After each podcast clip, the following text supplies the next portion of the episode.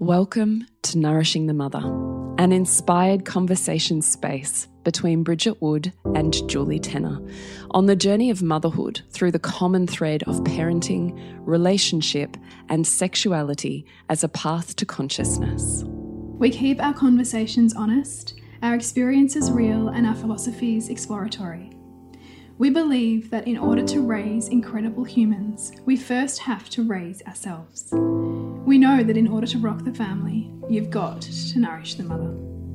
If you are here, you care about paving a path of conscious and intentional motherhood, connected with yourself and your gifts, and also illuminating your children in theirs so we may raise more whole humans who can impact this world in a more humane way. If you desire to integrate your learnings practically and supportively, head on over to bridgetwood.life or julietenner.love to go deeper. And for all live streamed, pre release podcasts and all our free content, head over to our free Facebook group, Nourishing the Mother with Bridget Wood and Julie Tenner. We are Julie Tenner and Bridget Wood, and we are so grateful you're here. Hello, and welcome to Nourishing the Mother. I'm Bridget Wood. And I'm Julie Tenner. And today's podcast is how to know your overwhelm is a problem and what to do about it. And we're joined by a very special guest, Sharon Joy, and we're going to read out her bio in a minute so you can place who she is and where she be in the world. And then we invite you to fully sink into a conversation around what overwhelm might look like for you, how it's showing up and creating problems or manifestations in your life, and how we can hopefully guide a conversation that allows you places to move with it. So we're very excited to have this conversation, aren't we, Bridgie? We really are. We really are. So, Sharon is a business and mindset coach and website designer, coaching and creating websites for coaches, consultants, healers, and spiritual women. She is the founder of Studio of Soul and has a background in educational leadership and marketing, previously working as the Australian marketing manager for a global lifestyle brand and primary school deputy principal. She started her first business in 2018 and since then has had a number of entrepreneurial ventures. Sharon is a certified master linguistic, master neurolinguistic programming master practitioner. NLP. that was NLP practitioner, time based and EQ therapist and strategic coach. She is a partner of the popular website platform Wix, reaching icon level. She's also a certified soul modes mentor and openly admits to being reels obsessed. I love it. I'd also like to add into here that Sharon Joy is also my business coach. And so part of the reason that we have her on here is because, as you know, we are very, very selective about who we bring to you in this podcast because we hold it as incredibly sacred ground and we're here to always evolve with spaces of integrity. And so the people that we have on align with those beliefs as well. So, working with Sharon, I have found incredibly potent because she has an incredible mix of being able to ground and anchor some most wonderful points call you out on the BS, which as you know, as you all know as listeners, I love, love, love, love. And I love sometimes a little bit of a whippy sting. And that's exactly what I find in Sharon, which keeps me grounded and able to show up as I do. So, one of the conversations that we had was around overwhelm. And because of her background, I was like, oh my God, this is the conversation we have to take to the world.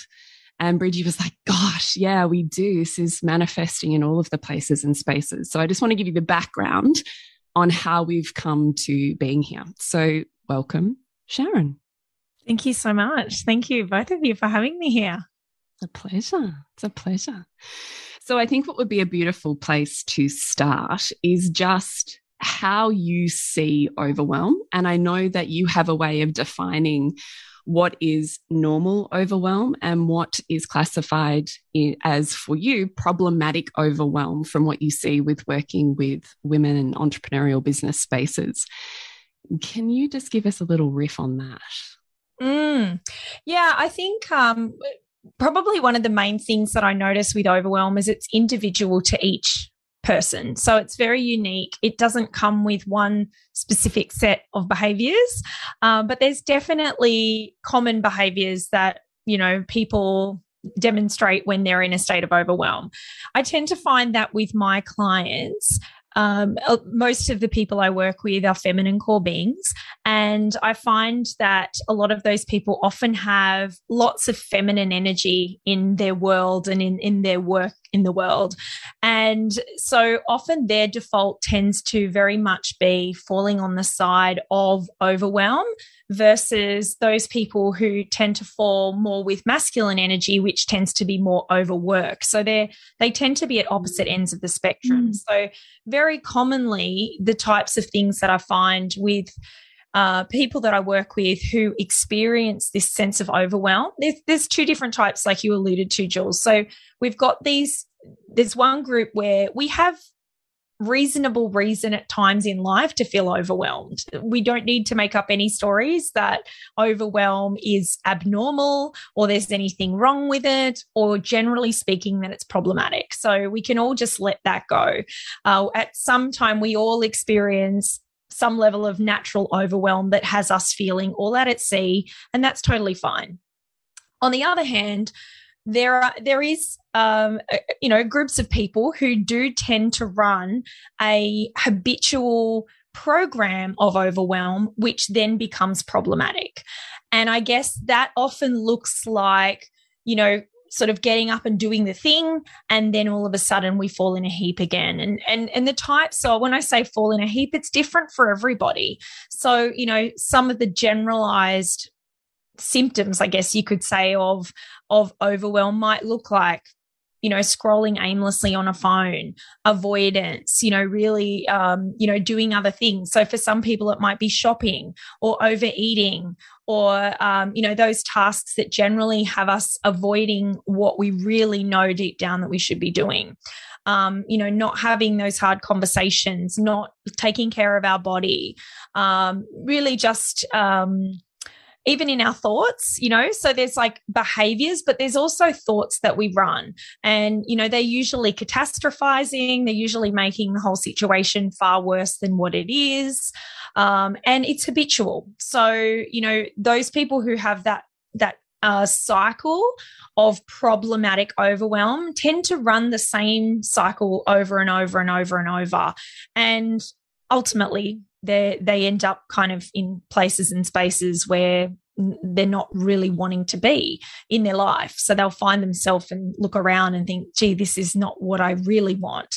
So then we have, you know, that perpetuates a whole other level of feeling and emotion, particularly guilt, you know, because they know they're not doing the thing, um, mm. but they kind of end up trapped in this cycle unable to free themselves from it. So, you know, mm. overwhelm we all experience is very normal and I, I also think it's fair to say is that there's this crossover between normal levels of overwhelm and then sometimes we can at, at, a period in our life experience habitual problematic overwhelm. And it might be for you know for a period of time where we're avoiding dealing with something or um, you know there might be some other factor in our life that has us procrastinating and feeling all uh. yeah. Thank you for that gosh, I, I can so both see myself in aspects of that and also recognize where I pull myself out of it. And the times, of course, when we are better at doing that and not so good at doing it. Mm-hmm. And I wonder if you can kind of share in your experience of working with women who fall into this category if how much of them falling into this is because they're actually not prioritizing potentially the very things that are important to them. So then they just push themselves into it and only give them permission when they're in overwhelm. Is that part of what you see as well? Yeah, I definitely think that's part of it. You know, the other thing that I would say is part of it is often you know people who are experiencing this this cycle of overwhelm are not actually aware that they're in it. So yeah. it's often not until it's spiraled well out of control um, and we could be talking years here you know? Um, i've certainly you know worked with women and had um, you know people just people generally um, that I know who have who have had years and years and years of um, of this this type of program that they run. Um, and you know, I don't even want to say necessarily behavior. Behavior is part of it, but there's also other underlying things like the thoughts, the feelings, the emotion. Um, you know that, that that runs with that. So uh, I would say that you know it can run and they're not realizing that they're running it and that that again is problematic versus oh gee like right now I feel really overwhelmed. I need to, this is what I need to do to help get myself out of it. So, mm-hmm. you know, when we're consciously aware of it, um, and Bridget, from what you've said, it sounds very much like you have a very clear process for going, oh, I recognize this pattern. I'm okay. I'm in it. And you might be in it too deep, but you have that level of conscious awareness that has you know and understand hey i need to get myself out of this. Mm. um, so i would say that that you know that probably falls more into that category of normal life overwhelm that we can sometimes find ourselves in deeper than what we want to be in. But you know when we have that level of awareness we can more easily bring ourselves out of that. Um, versus when we actually sometimes don't actually know that you know uh, to give you an example it's often when um, you know, uh, and, and there's been times in my life, even when I've experienced this, but I'll just speak generally about, you know, people who perhaps have been doing the things, going through the motions, and they're not happy in their life. And it's almost like, and legitimately from the outside looking in, it's like, yeah, this person, there's always something going wrong for them, mm-hmm. you know, and it's sort of like often it brings about, you know, greater things in their world that are problematic but and it's almost dialed up as a result of their overwhelm because they struggle to manage the smaller things which means it manifests bigger things and and really spirals out of control. So you know um, certainly finding ways to understand recognize oh hang on a minute. I recognize this program and being able to pull ourselves out of it is is really really powerful mm. Are there certain areas of women's lives where you see that play out? Because as you're talking, I'm certainly thinking that there'd be many women who have potentially a money story like that, or like, I won't look at that because that's all just too hard and I don't want to see see that. So I'll not go there and avoid it with my habitual overwhelm practice until that becomes so painful and so catastrophic that I then have to deal with it. Would that be an example of an area of life that you might see come up? Absolutely. Absolutely. And I'd probably say that quite often, you know, um, it, you know, you could almost match their behavior with that. Mm. Um, you know, quite often, if that's their state of overwhelm and neglect that they don't want to deal with that situation, then you'll probably find, you know, that their behavior might be overspending, you know, and so it's always yeah. perpetuates the cycle, right? Yeah. Um, so definitely, you know, it can manifest in all areas. I mean, sometimes it might be in uh, particularly I find with my clients, it's in, in administration. Um, it's it's because I you know I work with soul led women, and it doesn't light them up to do stuff that requires a level of masculine energy. Um, you know that requires them to build the structure. They want a free flow. They want you know, but free flow very quickly turns into free fall um, without a net, uh, and that's not always uh, a nice place to be, right? Because when they're free fall falling, then, you know, it's like that gasping for breath and that feeling of fear and finding themselves in places that aren't you know aren't well supporting them so um, but unfortunately that's often the work that they that that they reject and avoid mm-hmm. um, and go into overwhelm over um, you know the woe is me i don't want to do the you know the techie stuff or you know i don't want to do the structured stuff i just want to be free and, and breezy, which is beautiful. But what they don't realize is that there's a lot more peace in setting the thing and then being able to swirl it within it, you know? Mm. And I mean, you think about it, you know, let's take the home life, for example. You know, let's take, as Jules says, Family Inc. You know, what happens when, you know, the shopping the cooking the meal planning the you know the organization of who's taking which kid where. What happens when we avoid dealing with that? Very quickly we find ourselves in a place that is even worse than what it needs needs to be if we if we put those things into place and those structures into place then we can actually find a whole lot of joy in doing all of that stuff because we have a system and a process and i think that that's the thing with overwhelm is it's a, it's a process overwhelm is a process it's an unfortunate process that we run we'll probably dig a little bit more into that um, it's so interesting to me. So even as we're avoiding structure and processes, we're actually creating them in our overwhelm process.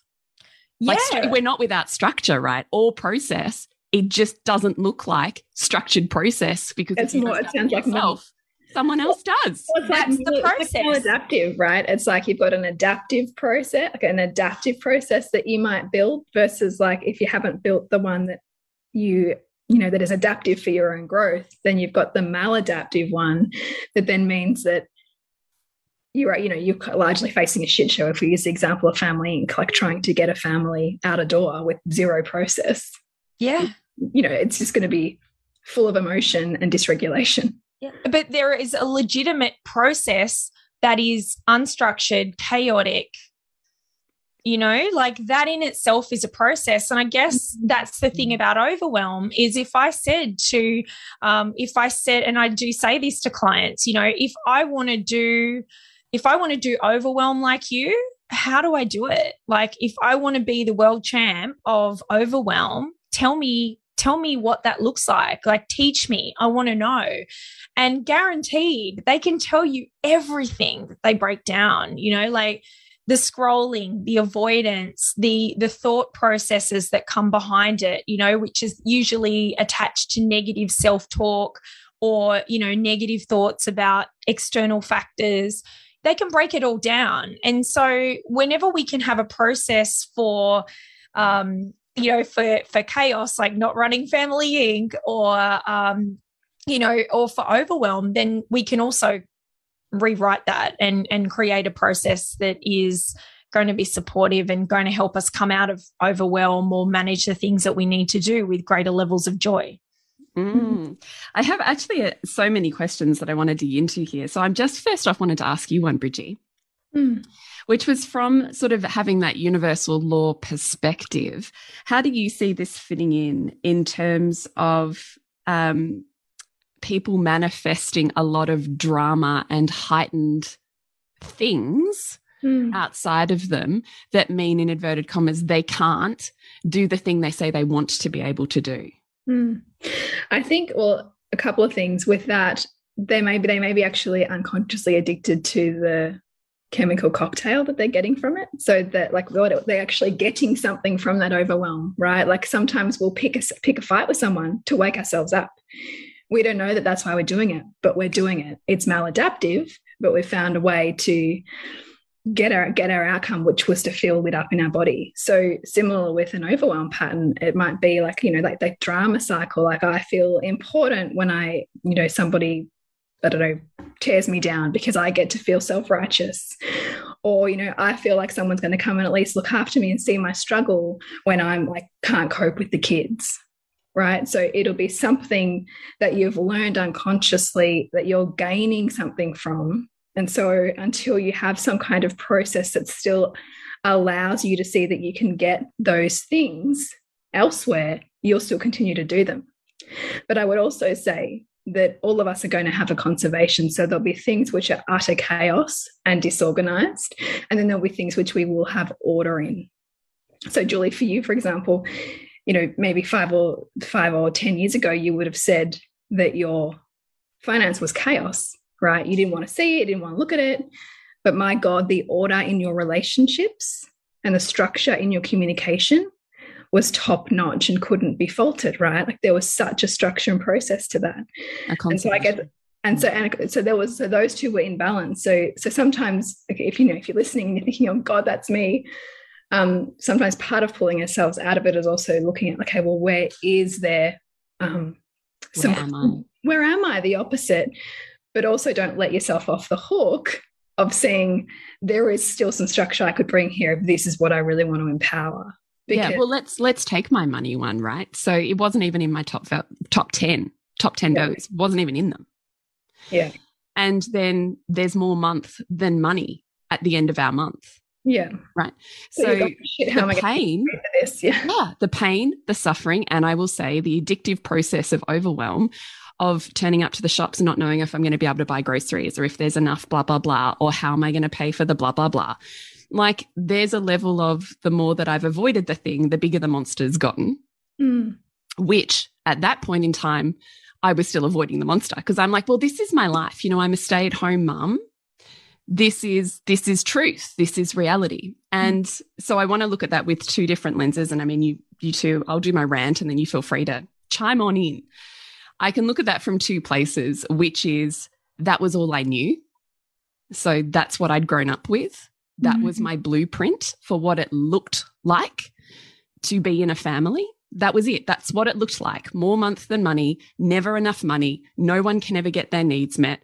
Often there's not even enough for food. That's my blueprint. And that was definitely what I grew up with as a childhood experience. And that was definitely the experience, certainly of my mother, maybe less so for my dad. I don't know enough about his family to be able to say that with certainty, but that's my blueprint. And the circle, if you're the product of the five people you spend the most time with, the circle that I was in, except for you, Bridgie, you were the first financially empowered person that I let into my life. Mm. And I say let in because it's not like they didn't exist. Yeah, but that you but that you were, that you were willing to kind of allow into the fold. That I was willing to love. Mm. Because up until that point in time, I was very good at creating a them and us story, you know, the haves and the have nots, which was what I had grown up with, particularly in England, as very clear socialism, like very clear social lines, social classism. Yeah. Mm. Yeah, yeah, yeah. So, and I married into a family who who deeply valued financial wealth and all of the trappings that came with it. So anytime I was around that, I one rejected it and concocted an entire story that made me right in my top values, well, that means you don't invest in your children. And that means you don't really care. And that means you're not really emotionally invested. And that means you're shallow. So therefore, you're nothing like me. I cannot be around you. You're intolerable, like versions of. Mm. So I had a fantastic strategy for making sure that I was never around people that I felt minimized around personally. Like I minimized myself in those spaces of financial empowerment, right? So I can see both those things happening. And then I meet Bridgie, who knows way more than I know and has a blueprint that's completely different to mine.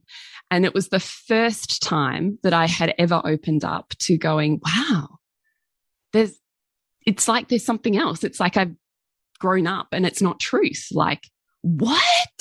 Which of course you could apply to any other area of life. It's just like when you have that like moment, isn't it just like worlds just colliding together yeah. and exploding and like it's like your their reality. What if everything I thought was true isn't? yeah, totes, totes. So there's the blueprint, and you can keep running that, right? I could choose to have kept money not in my top values to never have considered it and to maintain that chaos. I could choose to maintain the chaos, or I could choose that that was more painful for me and out of alignment with the, the life that I really wanted to be living, not the life that was defined from where I'd come from, the life that my soul wanted to live and I got to, I get to choose. And it doesn't mean it's going to be easy. It's a shit ton of patterning that I have to break down and find another pathway for, a shit ton of nervous system and body regulation, of changing beliefs because I had the beliefs of the person that created the behaviors and the reality of not enough money. So to be the Bridget of the world, I had different relationships to money and I had different, like it's different, right? Your reality is the product of your belief system. So, sorry, uh, yes, that's correct. So, I want to say I get the overwhelm, but we also get to choose is this the life that I want? Because I can choose something different at any point in time. Is this the reality that I choose? Mm. And if it's not the reality that you want, then something's going on there. Mm. because your beliefs and your actions are not matching your wish and your dreams. Mm. And you are living the reality of the belief systems which dictate the actions now. Right. Mm. So I love what you're saying, big, like both of you, because it speaks so clearly to I get when we're in there, we can't see another way out. Like this is mm. for me, like take money. This is this is truth. This is what it is. I mm. can't change that. Like this is what it is. I choose to be a stay-at-home mum. This is what it means. I'll sacrifice that. Mm. When in actual fact, it was a bullshit fucking strategy. but it was a perfectly functional strategy for you in order for you to maintain the beliefs that you had that put the energy into your family that you wanted to at that point in time to protect that worldview yes because because we also do that we also go well i have to because we we understand things by, by their opposite so i almost have to perceive you're wrong. So it gives me the energy to put into what i think is right as well. Totes. Because if we don't have a bigger vision we'll use the moving away from something to to get us to where we want to go yeah, mm. totes. So when we think about if we bring it back to this conversation around, I guess I just want to hang a little bit longer on how we become aware of it. Mm. Because particularly if we consider overwhelm, and particularly, I mean, the majority of all three of our clients are mothers who choose to mother with intention. So I do think that that can get really hard when we perceive that we're at the mercy of life and children and needs. And that we're like, how could it possibly be different? Like, there's no other way. Like, I'm here. My kids are sick. I'm sick. The, you know, I don't know. Everyone had emotions today. I'm just, it's all just really hard right now. Like all of those patterns. And then you have the further addictive ones that, that are about drama, right? That I get those emotional rises. So I guess I want to just linger a little bit longer on when you're there and you're 100% sure reality could not be any different. What do we do? What do you reckon, Sharon? I'm going to start with oh, you and then kick it to you. Yeah, I love that. And I just want to go back to, you know, what you were both saying there. I mean, Bridget, I 100% agree with you. This, you know, this problematic habitual overwhelm is an addiction. There is no mm-hmm. doubt about it and and also Jules, what you you were saying is it is a story that we're holding on to, right? This is an, an a, a, program that we've been programmed with a long time ago. Um, it wasn't necessarily ours, but we've got it. And I think you know when it comes to just deciding about you know how am I going to get out of this whilst you know there's lots and lots of layers to this at its simplest form it's really just this is my process for doing and running the overwhelm. What's my process when I'm not running it? Because even people who have habitual problematic overwhelm, it's still a cycle. There are moments, and albeit they may be very small, but there are still moments where they're not running that program. So, what is it that they're doing in those moments that they can take clues from and apply that to other parts of their life? And I think, even like, you know, you were saying about, you know, being in it, we can just decide to do and run something different. We can just say, no, this isn't a life that I'm living in alignment with the way that my soul wants to live. And therefore, I'm going to learn a new process Mm. And that's it. Like that, it can be as simple as that. And, and there are obviously deeper layers, but it can be that simple. I mean, to give you an example, I, I had a 16 year career in education before I made a career change.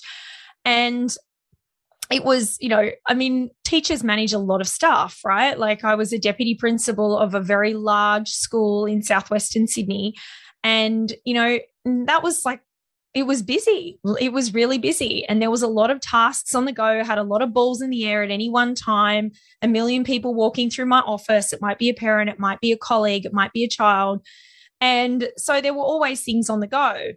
I had no decent sim- uh, system for project management.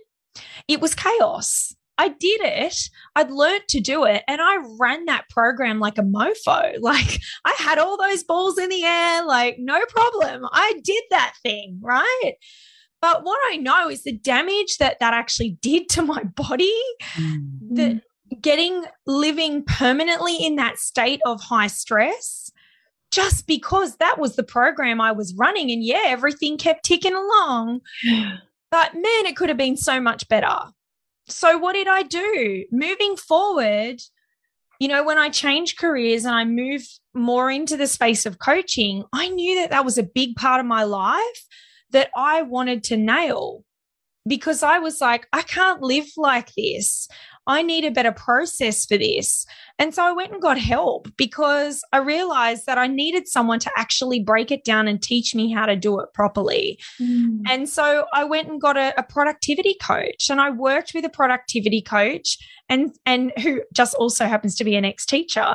Um, but uh, you know, and I said to her, like, I want to know how you run all the things. Like, how you do I chose, run all the things? You chose someone who was living the life that you wanted to be living. 100%. You didn't choose the person who was still running chaos programs. 100%. And I modeled I modeled myself and I learned her process. We can learn anything if we actually know what the process is for that thing.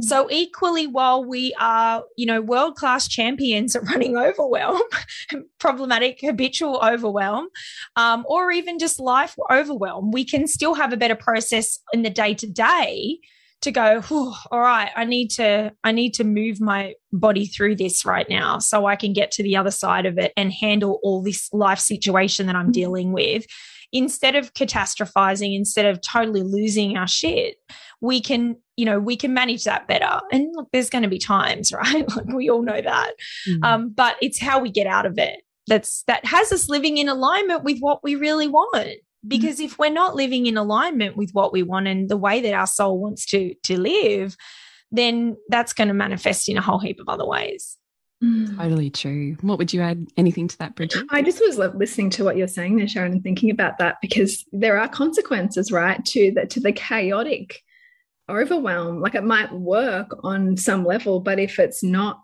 also life giving as a process, then, you know, the body keeps the score. Like I'm, mm. I can see my mum used to say, she's a, she was a teacher for 30 years. And she said, I don't think I breathed for 20 years. You know, like she, taught she taught year 12 for 20 years and raised two kids. Like how did, and you can kind of go, how'd you do that? Like I look back now and go like, how did you do all of that? And she's like, I just don't think I breathed. No. And so I see her now in her like just turned 60, like what she's having to work within her body as a re as a rehabilitation and mm-hmm. reorienting back to her body after so long of living on that track. And I'm sure that there's mothers listening who live their motherhood like this, which is just there's so much to manage and so many people to be something for that I just can't even meet my needs. So I'll put them last and then I'll get resentful and then I'll yell and that'll be that'll be the only way that I get anything done. Mm. But you're over here in cycles of guilt and shame because you know it's not where you want to be, but you don't have a way that's different or better than that which you find yourself in right now. Mm. Mm. So true. And I can so resonate with what your mum was saying about not breathing. Like that, that is, that describes it beautifully, unfortunately.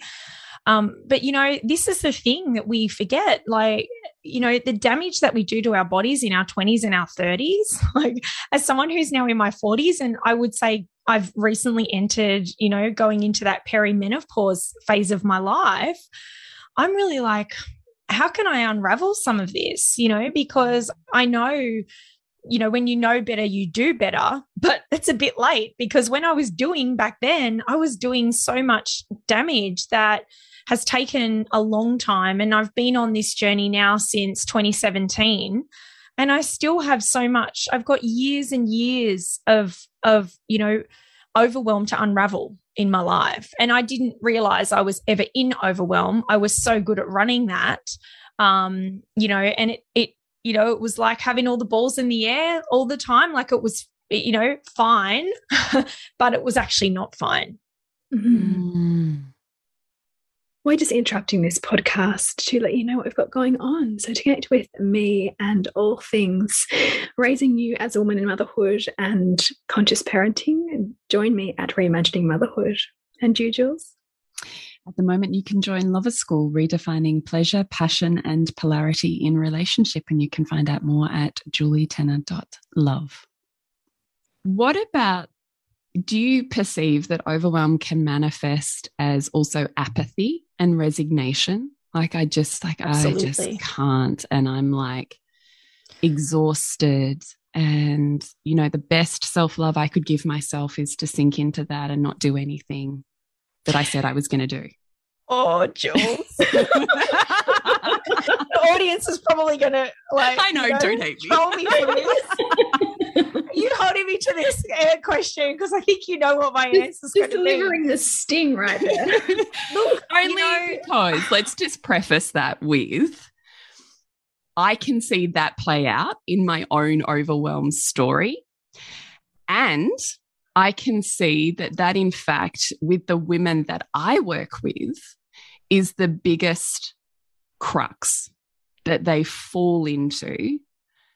And I see that as holding them back rather than if we really knew, like if we really knew what it meant to go inward, we wouldn't be in apathy and resignation. Like, you, yes, go inward is a feminine experience. Mm. Yes, enter the cave. Yes, go into the deep, dark forest, but purposefully and to reconcile. It's a very active process. Mm. It's not schlumping on the couch, fuck off life. I can't do anything. Yeah. Complete collapse. Yeah. Oh, Jules, I love that you said that first. um, but you know, I mean, I, I, back that. Like, I know I I put myself out there on a limb a bit when I, you know, I really, uh, you know, the matrescence movement, which I think is amazing. Like, I really fully support a movement back to supporting women into this, into motherhood, and you know, and also us as women returning to rest. Like, I'm all about that. Um, but 100% agree with you. The, you know, it, when we're using it as an excuse, and it does happen, I've seen it. You know, I've coached women through it.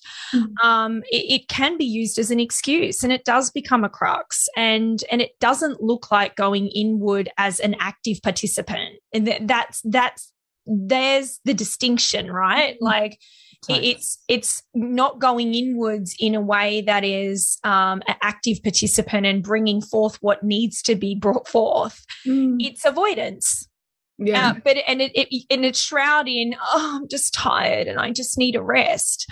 No, that's not it. You need to deal with this yeah. thing yeah. and then you won't feel as tired because yeah. often that's what that's the cycle, right? We're not dealing with the thing so we feel all tired and we need to rest and and so it goes on. And and again, I mean this, it looks like catastrophizing, you know? It looks like oh, you know, but I'm just so tired. It's like, well, it's no wonder, you know. Um, I guess running from yourself is exhausting.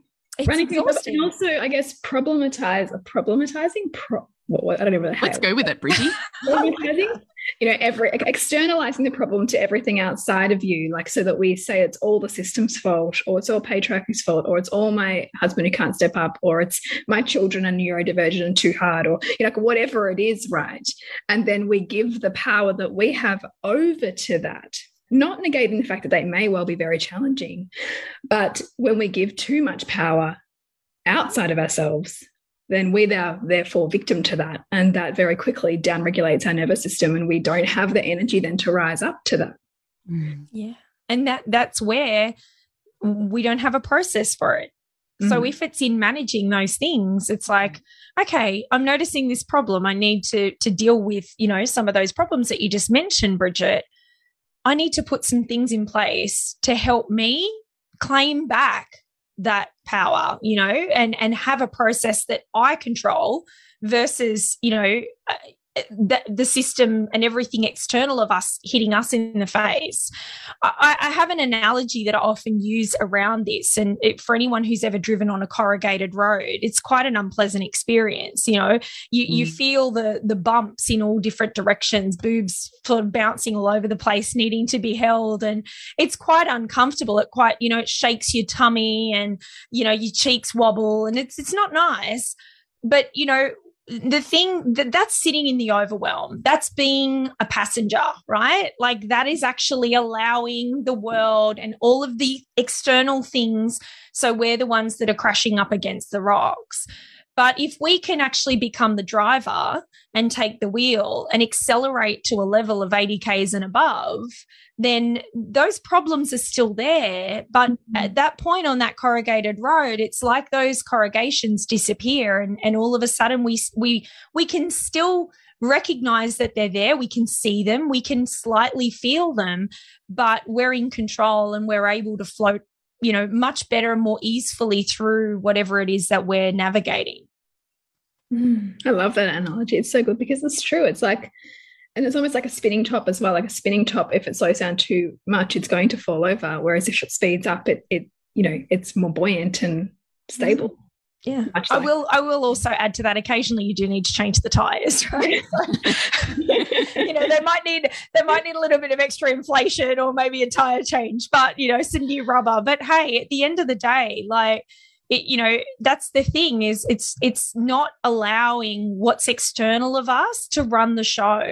It's saying right i'm recognizing that i'm on this road or i'm the one that's being thrown around like a rag doll with all of these things that are outside of me. How can i reclaim that and put a process in place so I can take back control and order and and still enjoy life, you know?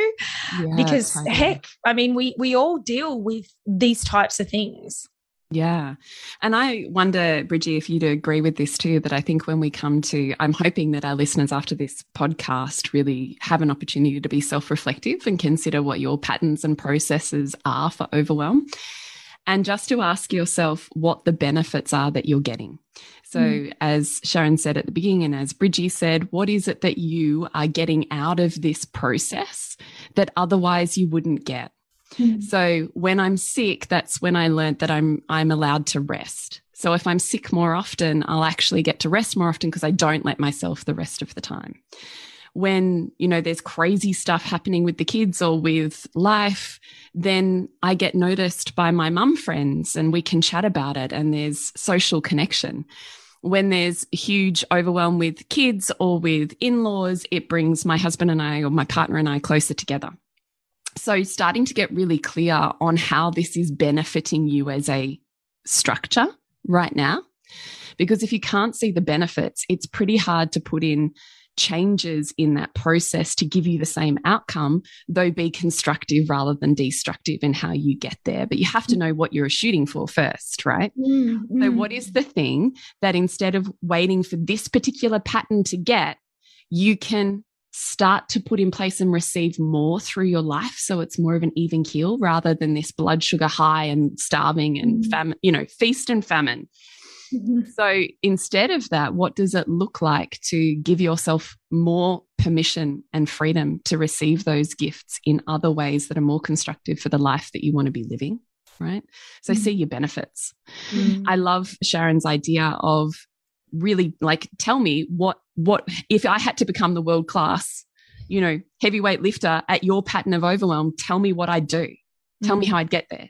I love being able to strategize and see what we're doing and then what do you think is the steps from there? So when we're talking about now you need to put in place new steps and new processes, what is the advice that you offer people when they're there, Sharon?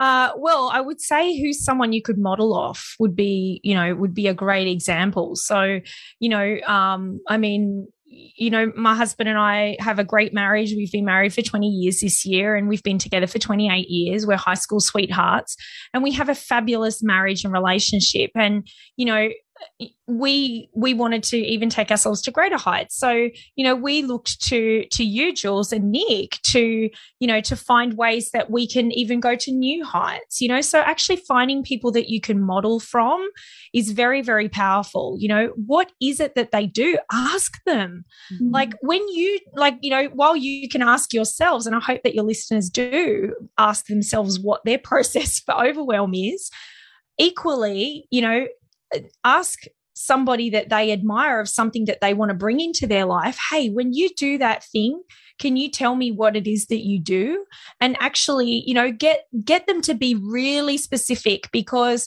they've probably never been asked and they're on autopilot like people who are champions at this stuff, it's really hard to kind of reverse engineer and go, oh, like no one's ever asked me that. But I bet if you scratch away at the surface long enough, they will be able to tell you the most in depth, minute, mind blowing, tiny little things that they do differently that never even occurred to you. That you're mm. just like, you do what? Like, that's amazing, you know? Um, because they're things that people never ever imagined. And I mean, I guess it's like, um, Jules, I know you're launching Lovers School at the moment. And, you know, I know we've had a conversation about this with, you know, um, like sex versus the Im- intimacy, and where, you know, a lot of people might be perceiving, oh, it's about the sex. And you're like, no, no, no, it's not. It's actually about the desire and the chemistry and the energy. And they're like, what? Like, break that down for me, you know, and that's the thing. Like, often it's it's not what we think it is you know? So we'll see somebody doing something amazing and we want to go and model it but when they actually break it down there's a whole heap of stuff behind the curtain that unless we ask them to pull the curtain back we don't even know exists right? Because we only see what's in front of the curtain. And that's what's really interesting is like modeling off other people and get like if it's it doesn't matter what it is get coaching about it you know like find somebody who can help you there's coaching for everything these days mm. right like you know we've got coaches to help us how we can be better mothers and you know better lovers like how awesome like what a wonderful amazing, world that we live it? in right mm. like there's a, uh, be a better better at productivity because i sucked yeah. at it yeah. or i didn't from the external, people thought I was all over it, but I was like, no, I'm not all over it. I'm just running like stress and running my body into the ground to keep these balls in the air and my brain is overwhelmed and I get home and I've got no nothing left in the tank for my kids. Mm-hmm. So, you know, I think really just finding people you can talk to or get coaching and and unpack like keep scratching away at the surface because what you see on the surface level is not actually what is. It's like the iceberg effect. It's what's below the surface is the grit and and the stuff that is going to be transformative because that's what's required here is transformation, you know, like what is if this is the program that you're running and you want to run a new one you have to transform you've got to rewrite the program so you know it's dealing with that under the surface iceberg that is what's going to make the difference on mm. the on the on the surface Totes. I love that you said that too about the iceberg analogy and also in finding the people for whom are living the reality that you want to and finding out what's different. And I would also say to, to be even more specific beyond that is to ask them how they see your how they see this situation. What is the belief or the way in which they see the world that's different to you? And the values right? What values do they hold on to? What values do they hold and the like beliefs and values together? Because, you know, people will live in alignment with their values more than anything else. And often people think, you know, values are one thing and, and not another, but values are what you spend your time on.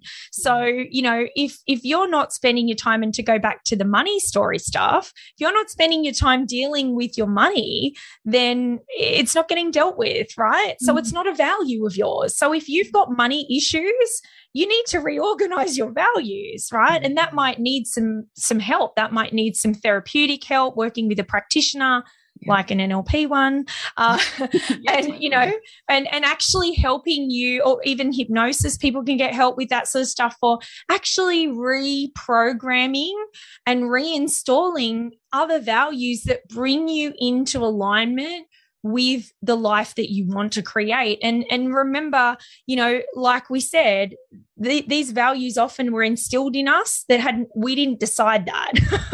Yeah. that we didn't decide that. So if we decide that we want something else and we're realizing that there's a mismatch we need some values alignment. We need some belief alignment to to reestablish and reshape and reframe the way we think about things in order for that reality to change on the on the surface Mm. That's amazing. Do you have any last questions, Bridgie, before we move into our quick fire guest questions? No, I think there's so much to percolate on here, Sharon. Thank you so much. I know. I was thinking in my head, then this is one of those episodes you're going to have to listen to two or three times because you'll yeah. different. And also because no doubt our listeners, there'll be you know areas for you where you're feeling a bit activated, like as you listen and going, oh, yeah. oh fuck, like you know, because I even imagine for you, Sharon, like admitting that your that your chaos needed to be dealt with in some way and that you wanted to see a productivity coach you know, would have required some courage to go, like, this feels like a shit show. I don't want to move like that anymore. And I'm willing for all of that stuff that I might have buried to be seen. Mm. And that's transformation. Like, mm. if we don't recognize the parts of us that need changing, then there is no change, you know, mm. like there is no change unless we're willing to recognize and go, actually, this is a problem. It's like it's recovering from any addiction, right? Mm. Like that's what recovering from addiction looks like. It looks like I have a problem here. I need to get help. I need some new strategies or a new system that I can run to help me so that when this happens, I don't do that you mm-hmm. know i do something that is moving me more in alignment with what i really want yeah i love that so hard yeah so before we move into our quick fire questions is there anything that you would like to wrap up with sharon um no, not really. Other okay, than to perfect. say that if anybody would like help with that, then um, you know they're they're more than welcome to to contact me, and um, we can do a session, just a one off session, um, helping people to you know to to get rid of some of these stories. We can you know there, there's a lot that we can do even in just one session. Um, in terms of again it, it, comes down to actually firstly recognizing what the problem is and the behaviors and thought patterns that come with it and then working on reinstalling another one. And, and it's amazing what can be achieved in a very short space of time.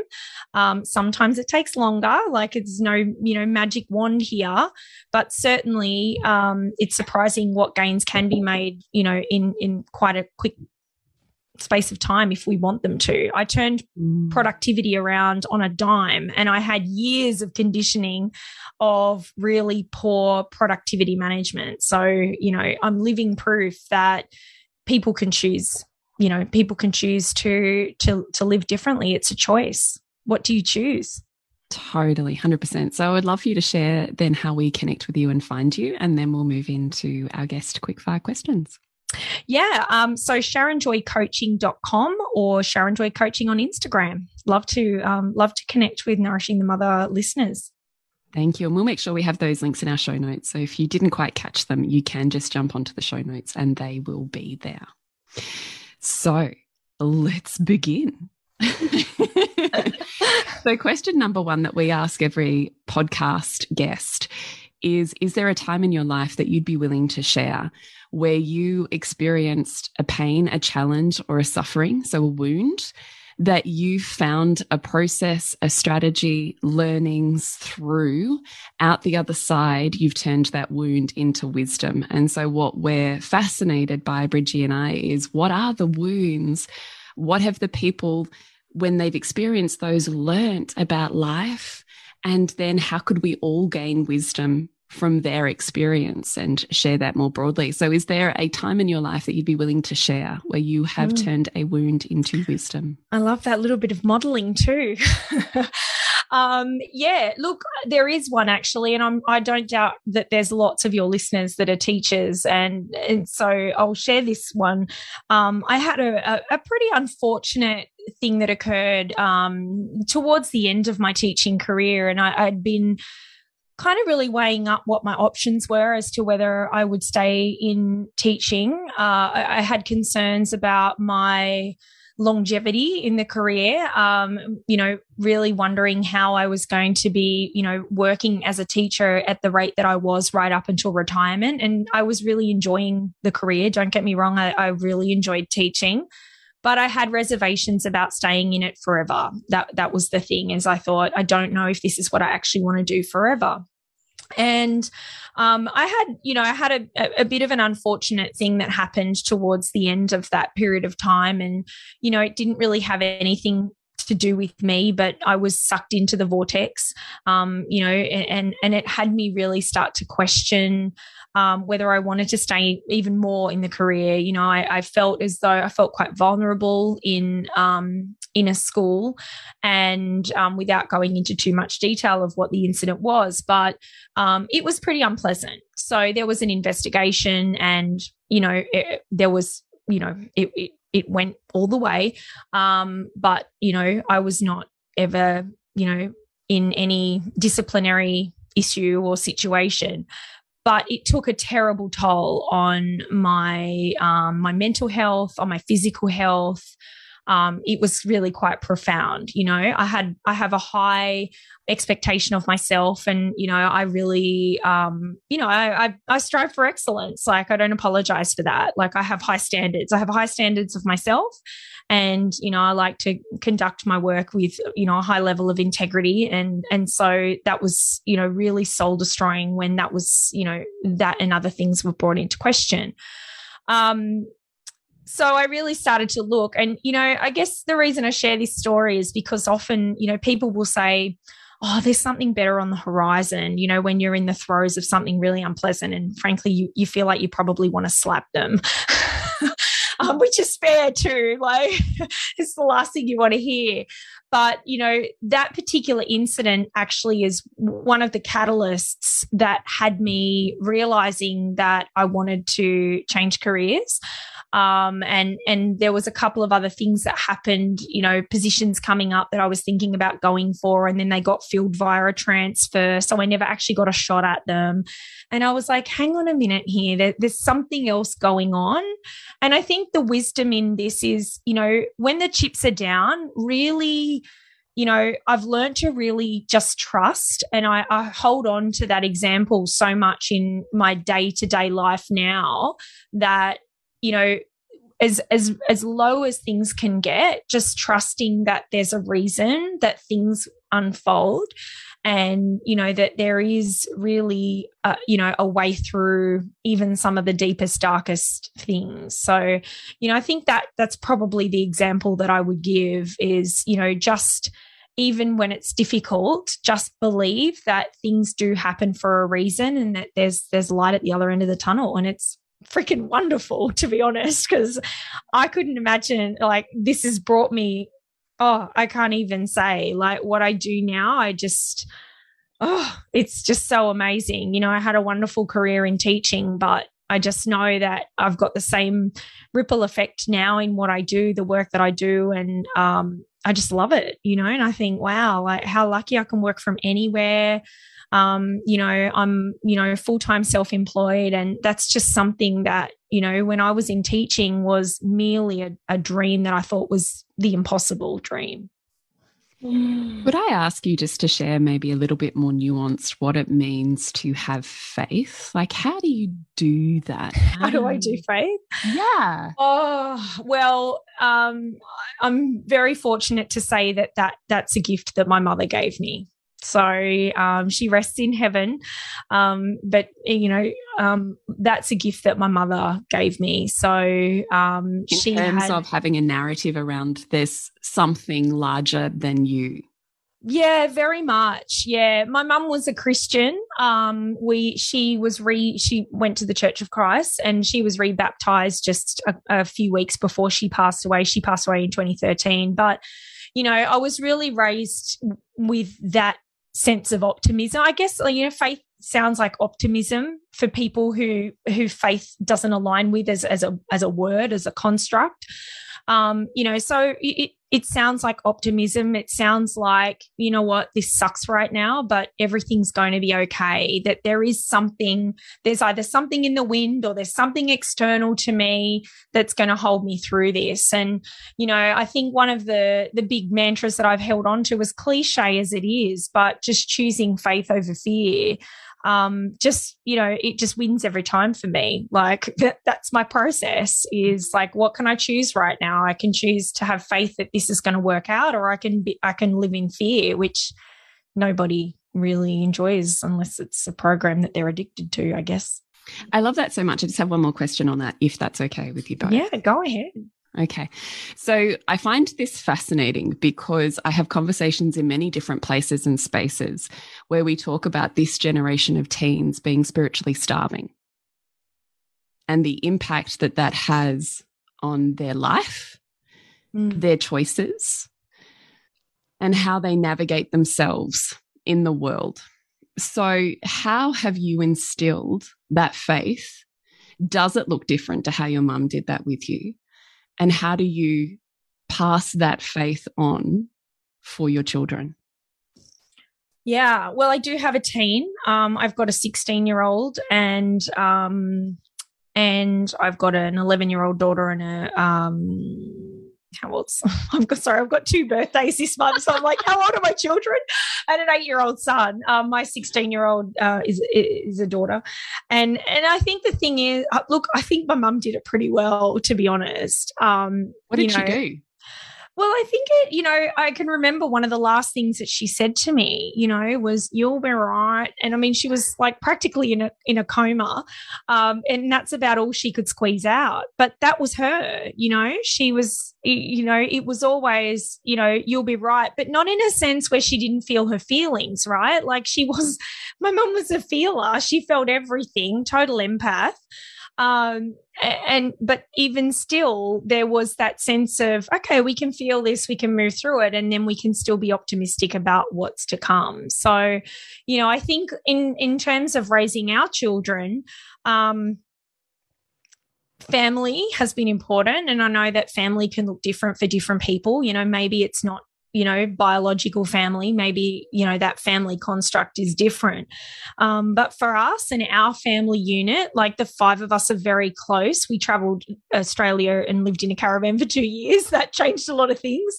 Um, so you know returning back to that. And you know sometimes it, sometimes faith looks like shutting out the outside world you know and not allowing stuff to come in and penetrate from all angles. Sometimes it looks like being a little bit more insular and just breathing into that and going right here we are. We've got one another you know. And and of course obviously anchoring into ourself as well. But but just taking that pause and and I mean I guess we've we've modeled that for our kids.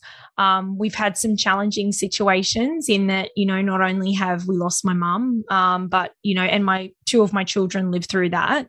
Um, so, and I was, I was, well, actually, no, I'm going to say three of my children lived through that because my, I was 18 weeks pregnant with my son when we lost my mum.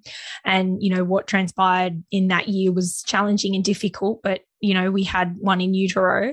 Um, and then I would say that, um, you know, we also had another situation just a couple of years ago where Adam's, um, my husband's uncle passed away and um, with multiple sclerosis, and you know, we we were very close to him. So, you know, it, being together and sharing those experiences with our children and like showing them how we've navigated those challenging things is the way that we've taught our children.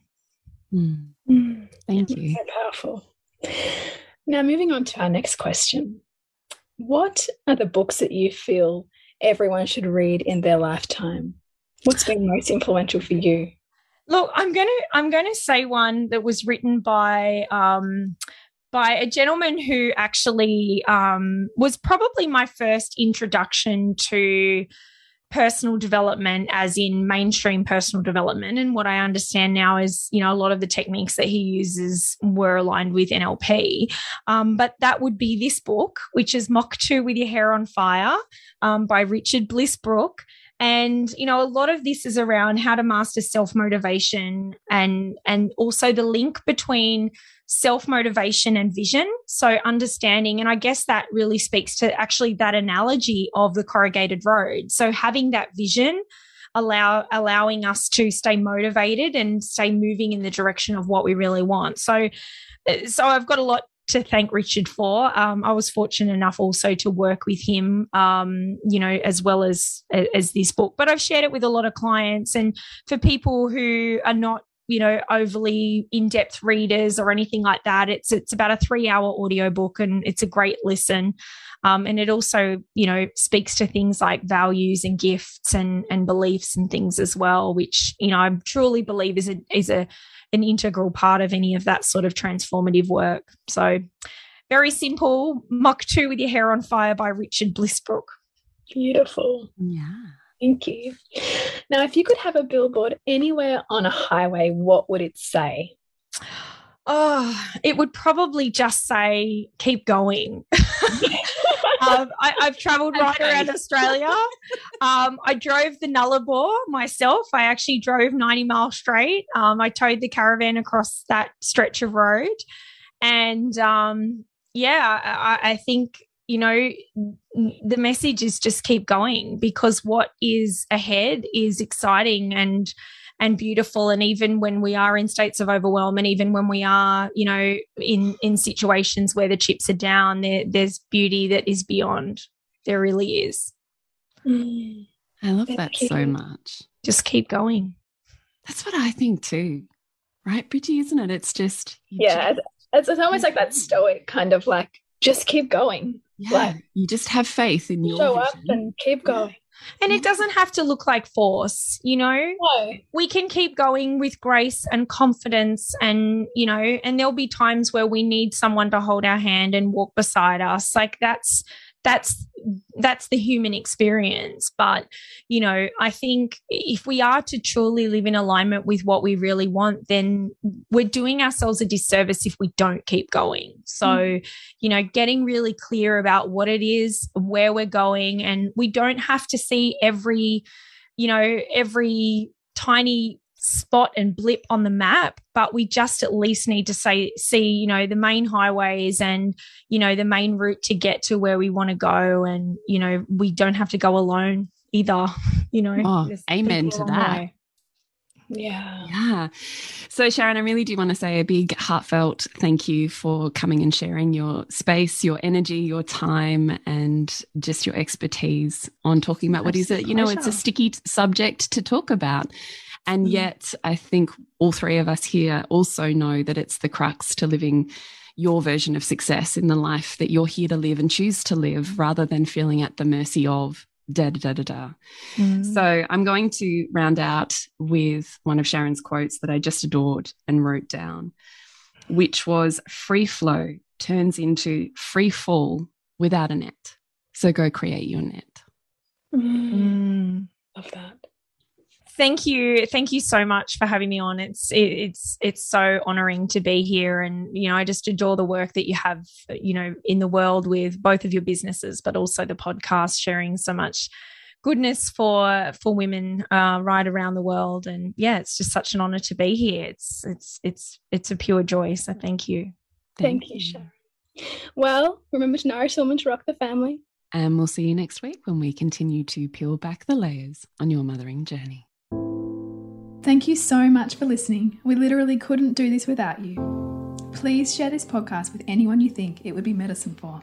If you desire to integrate your learnings practically and supportively into your life, then head on over to bridgetwood.life or julietenner.love to go deeper. And if you feel like giving back a little to this free content, please rate us on iTunes or Facebook all of which helps the podcast reach more mamas who need this type of tonic for the soul.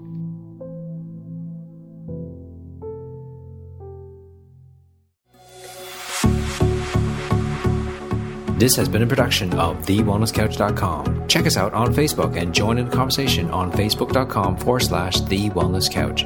Subscribe to each show on iTunes and check us out on Twitter. The Wellness Couch, streaming wellness into your lives.